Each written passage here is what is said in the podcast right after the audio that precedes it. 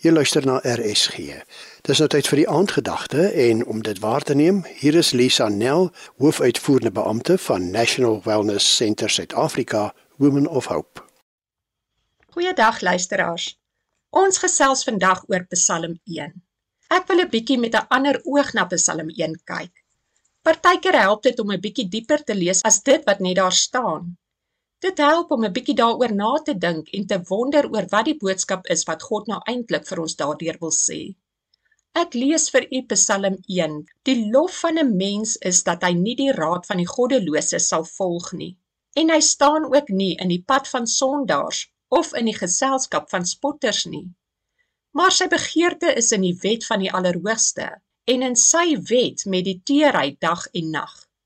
Hy sal wees soos 'n boom wat langs die water geplant is, wat sy vrugte in sy seisoen voortbring. Sy blare verwelk nie en wat hy ook al doen, is voorspoedig. Ons lees vanaf vers 1 dat God 'n duidelike onderskeid tref tussen goddeloses en hulle wat met God wandel. Eerstens sê hy die wat met hom wandel en nie hulle self bemoei met die goddeloses nie, deur te luister na wat die goddeloses gesels en deur stil te staan en daarna deel te neem in die gesprek of so betrokke te raak dat hulle gaan sit en gemaklik word om selfs in hierdie kring van die spotters deel te neem aan die gesprek. Dit is hulle weg wat nie deur God geken word nie, sê vers 6 vir ons. Maar dan is daar die positiewe gedeelte. Hy sê vir ons die wie se hart werklik verlang na die wet van God, nie net om van die wet te weet nie, maar wat die wet oordink en dit toepas in hulle lewens, hulle weg sal deur God geken word.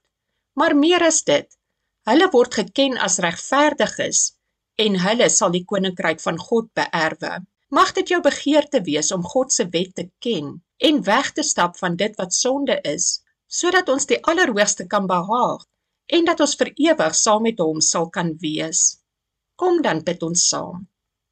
Dierbare Vader, U wat is en U wat was, U wat sal wees tot in alle ewigheid dieselfde. Mag U afgesonderde naam geheilig word. Mag U geken word deur elke mens wat U lewe gegee het. Ons loof U alomteenwoordige en alwetende God. Ons prys U wie die mens beskerm wat U gehoorsaam dien. Daar is geen manier waarop enige een van ons die geestelike stryd op ons eie kan oorwin nie. Daarom buig ons voor U Gees en herinner ons onsself daaraan dat U altyd standvastig is, onwrikbaar, onveranderlik en wys. Ons pleit vir U insig en wysheid, U beskerming en rigting om suksesvolle keuses te mag maak wat U goedkeuring sal wegdra, nie sommer net nie maar vir ons eie beswil. Amen.